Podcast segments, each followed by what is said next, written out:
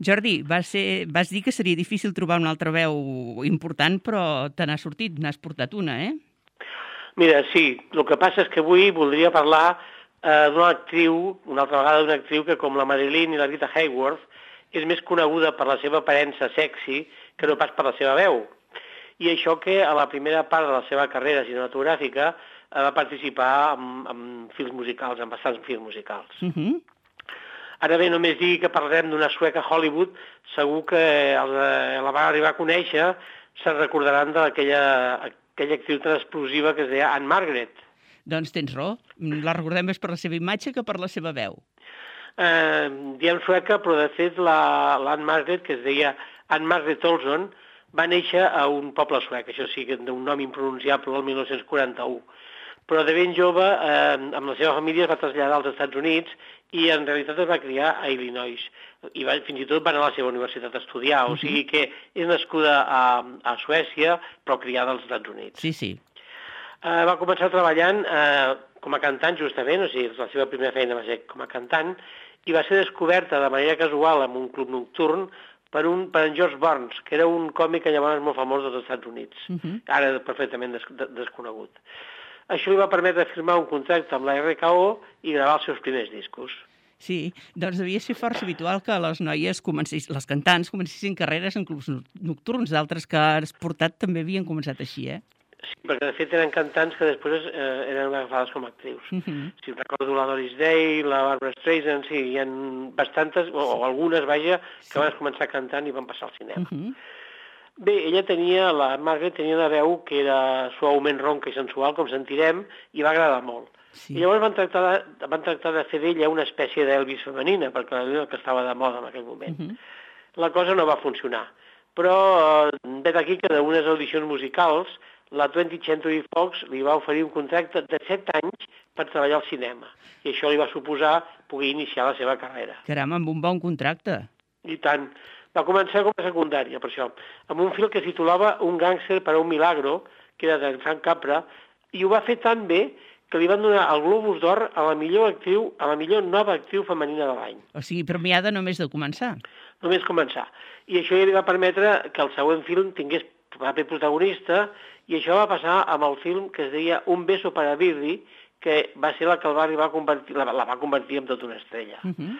La pel·lícula és de l'any 63, el director és en George Sidney, que és un especialista en el cinema musical, va fer Levando Ancles, va fer un munt de pel·lícules musicals, i a la pel·lícula també sortien la Janet Lake i en Dick Van Dyke. Uh -huh. Tot i això no era res de l'altre món, no t'enganyis. No? no, no era res de l'altre món, era un musical d'aquells fluixets. Però ens permet posar el primer tall per sentir la veu de la Margaret, en aquest cas, com veurem, fent d'adolescent i quasi bé desafinar una mica perquè li convenia el personatge. Uh -huh. Sentim a la Margaret en el primer tall. Endavant. Doncs...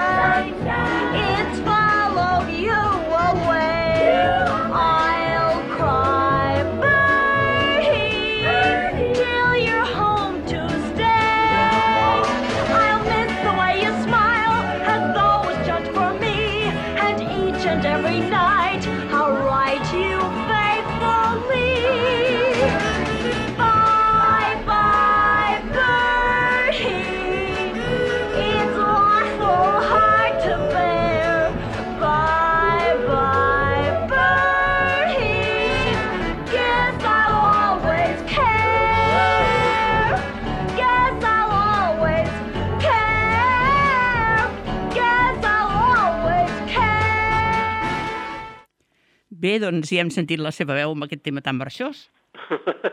bueno, com et deus imaginar, el títol de la pel·lícula en anglès era Bye Bye Verdi, perquè la Margaret no para de, de dir-ho, eh? O sigui, aquí era una noia que era una adolescent que anava darrere d'un cantant famós, una cosa així. Uh -huh. Val, però l'any que va ser decisiu va ser el 64, perquè mm, va ser quan va rodar al costat de l'autèntic Elvis Presley, en aquest cas, el famós musical Viva Las Vegas.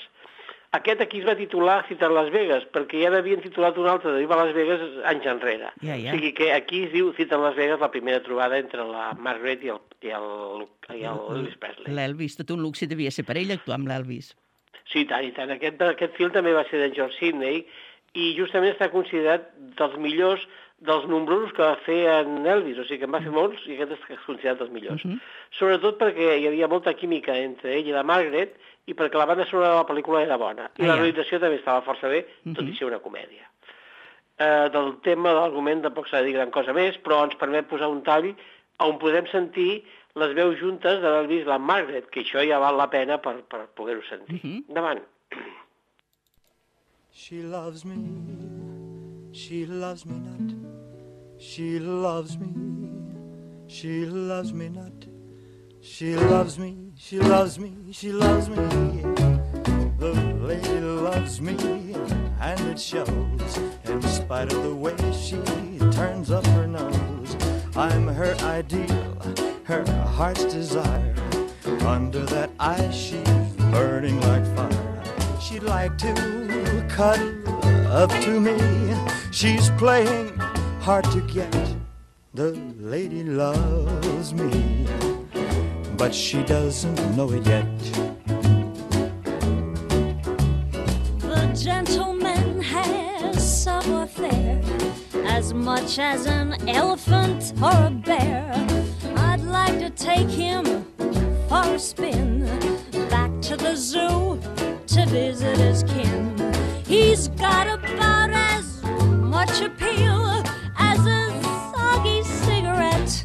The lady loves him, but he doesn't know it yet. The lady's got a crush on me.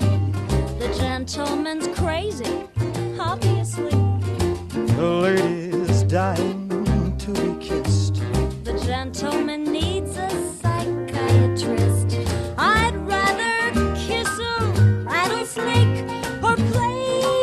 Russian roulette. The lady loves me, but she doesn't know it yet. Que bé queden tots dos, eh? Sí, noia, i després de robar aquest film, en Elvis i la Margaret van començar una relació que va ser molt seguida per la premsa del cor. Sí? Fins i tot es va arribar a dir que ell li havia demanat per casar-se i que ella l'havia refusat. Bé, en, en qualsevol cas, amb qui es va casar l'Elvis va ser amb la Priscilla, uh -huh. i amb l'Anne Margaret va continuar mantenint una excel·lent relació amistosa fins a la seva mort. Segur que és que s'apreciaven. De fet, va ser la Margaret va ser de totes les estrelles de Hollywood amb qui en Elvis havia treballat, ella va ser l'única que va acudir al seu funeral, uh -huh. o sigui que una relació bona sí que la tenia. A partir d'aquest èxit que va suposar Cita en Las Vegas, la Margaret ja va anar protagonitzant tot tipus de films i la veritat és que no gaires de musicals a partir d'aquest moment. Ara bé, al 1966, en George Sidney un altre cop va tornar a comptar amb ella per un altre, un altre que es titulava The Swinger, en anglès. I aquí les va conèixer com Xica sin barreres. I vés a saber per què hi posaven noms tan diferents. A veure, en aquest cas suposo que era perquè la, la història anava d'una periodista, que ella, la, la noia, que perquè li publiquessin un relat no tenia problemes per de tractar de seduir amb un director de revista que, de, no, per homes, que era molt libidinós, Ja. ballant de manera sexy i espectacular. I per aquí venien les barreres, no? Clar. No tenia barreres per fer això, devia vindre per aquí el títol. Segur. Bé, ja t'he explicat l'argument, ja no hi ha gaire més a comentar, però això sí, posarem un tall d'aquest film eh, on no sols es lluïa com a cantant, sinó també com a ballarina, perquè l'Anne Margaret ballant jo crec que era millor i tot que cantant, o sigui, Bona. ballava molt bé en, en aquell moment. Llàstima que no es puguem veure, però penseu que això, que la Margaret ballava estupendament. Vinga, endavant amb The Swinger. Hey,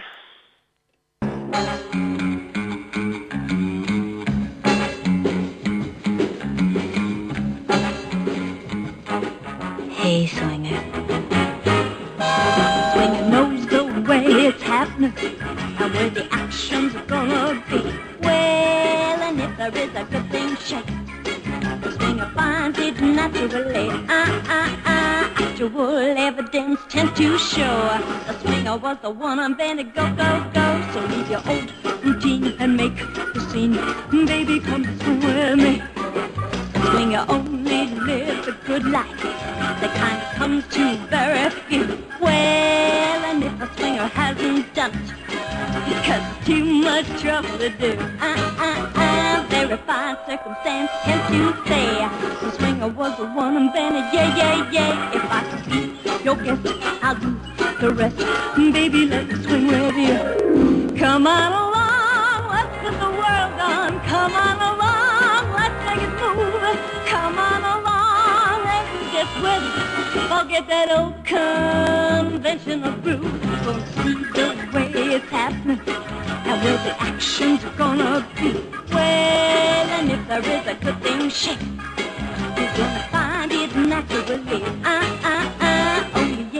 Miriam shows you how. Swinger was the one, and then it wobbly the Old Jean and make the scene. Baby, come and me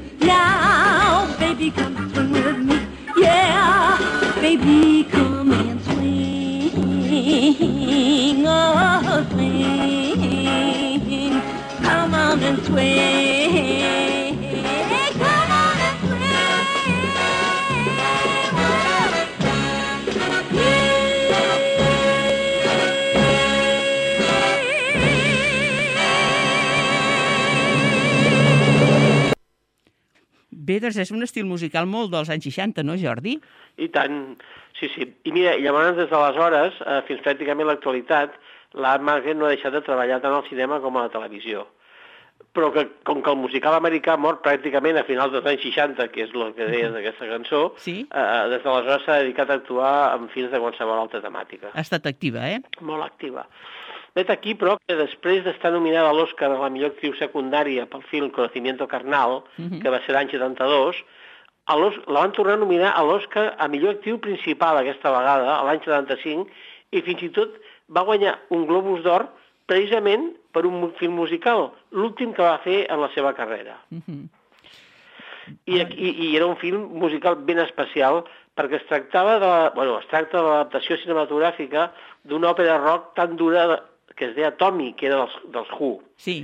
En aquesta, que és molt dura aquesta, aquesta, aquesta òpera, ella interpretava a la mare del nen que queda sec, sord i mut després de contemplar la mort accidental del seu pare per culpa del segon marit de la seva mare, que era l'Anne Margaret. Déu-n'hi-do. Déu-n'hi-do, l'enganxada. Va.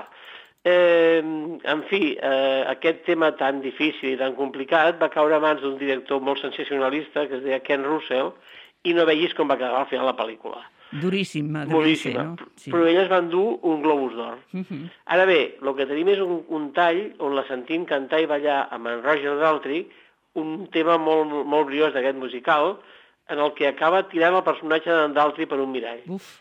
Poc, poca broma, poca broma amb la Margaret. Però, repeteixo, és l'última vegada que la Margaret eh, canta en el cinema. Uh -huh. Davant, doncs. Pues.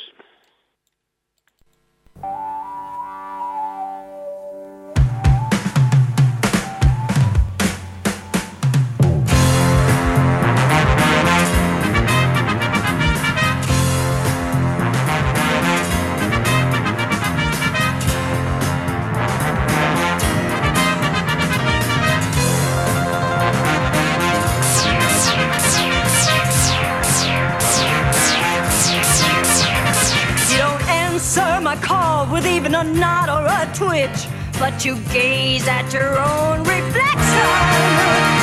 You don't seem to see me, but I think you can see yourself.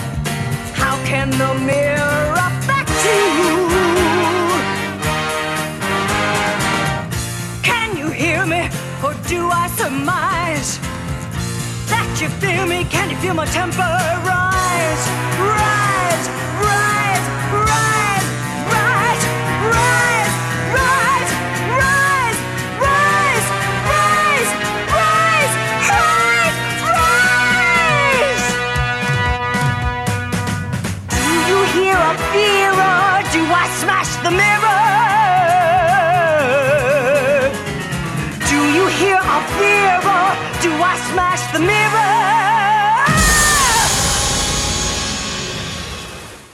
Una mica agressiva, eh? No vegis, i es veu que se sent ben clar que hi ha un vida que es trenca, eh? Doncs sí. O sigui que no, no hi ha dubte. Bé, musicalment no hi ha res més a dir de la Margaret, eh, que actualment té 80 anys, s'ha retirat. eh, gaudeix, sembla, de bona salut i l'únic que passa és que físicament es fa difícil de reconèixer. Com a mínim té uns quants quilos de més que quan ballava tan magníficament en els seus films. Sí, són canvis que porten els anys, I això, la eh? manca d'exercici no ens hem d'enganyar. Segur. Però això mateix. Bueno, i això és tot. Ara, dintre de 15 dies, eh, portaré una altra veu d'una actriu molt coneguda, però que, és, però que no és massa coneguda com a cantant, i val la pena sentir-la també. Sí, doncs veure, ens haurem Sí. d'esperar, a veure qui ens portes. Oh, em, sí, sí, ja ho veuràs. O sigui que quedem fins dintre de 15 dies, i, o 3 setmanes, sí, em sembla que és ara, sí, no? tres setmanes, sí. Això mateix. Pues fins, fins aleshores ja, ja, ja en parlarem. Molt bé, Vinga. doncs moltes gràcies, Jordi, i fins la propera. Vale, gràcies i A fins, fins, fins llavors. Adéu, adéu, adéu, adéu. adéu. adéu.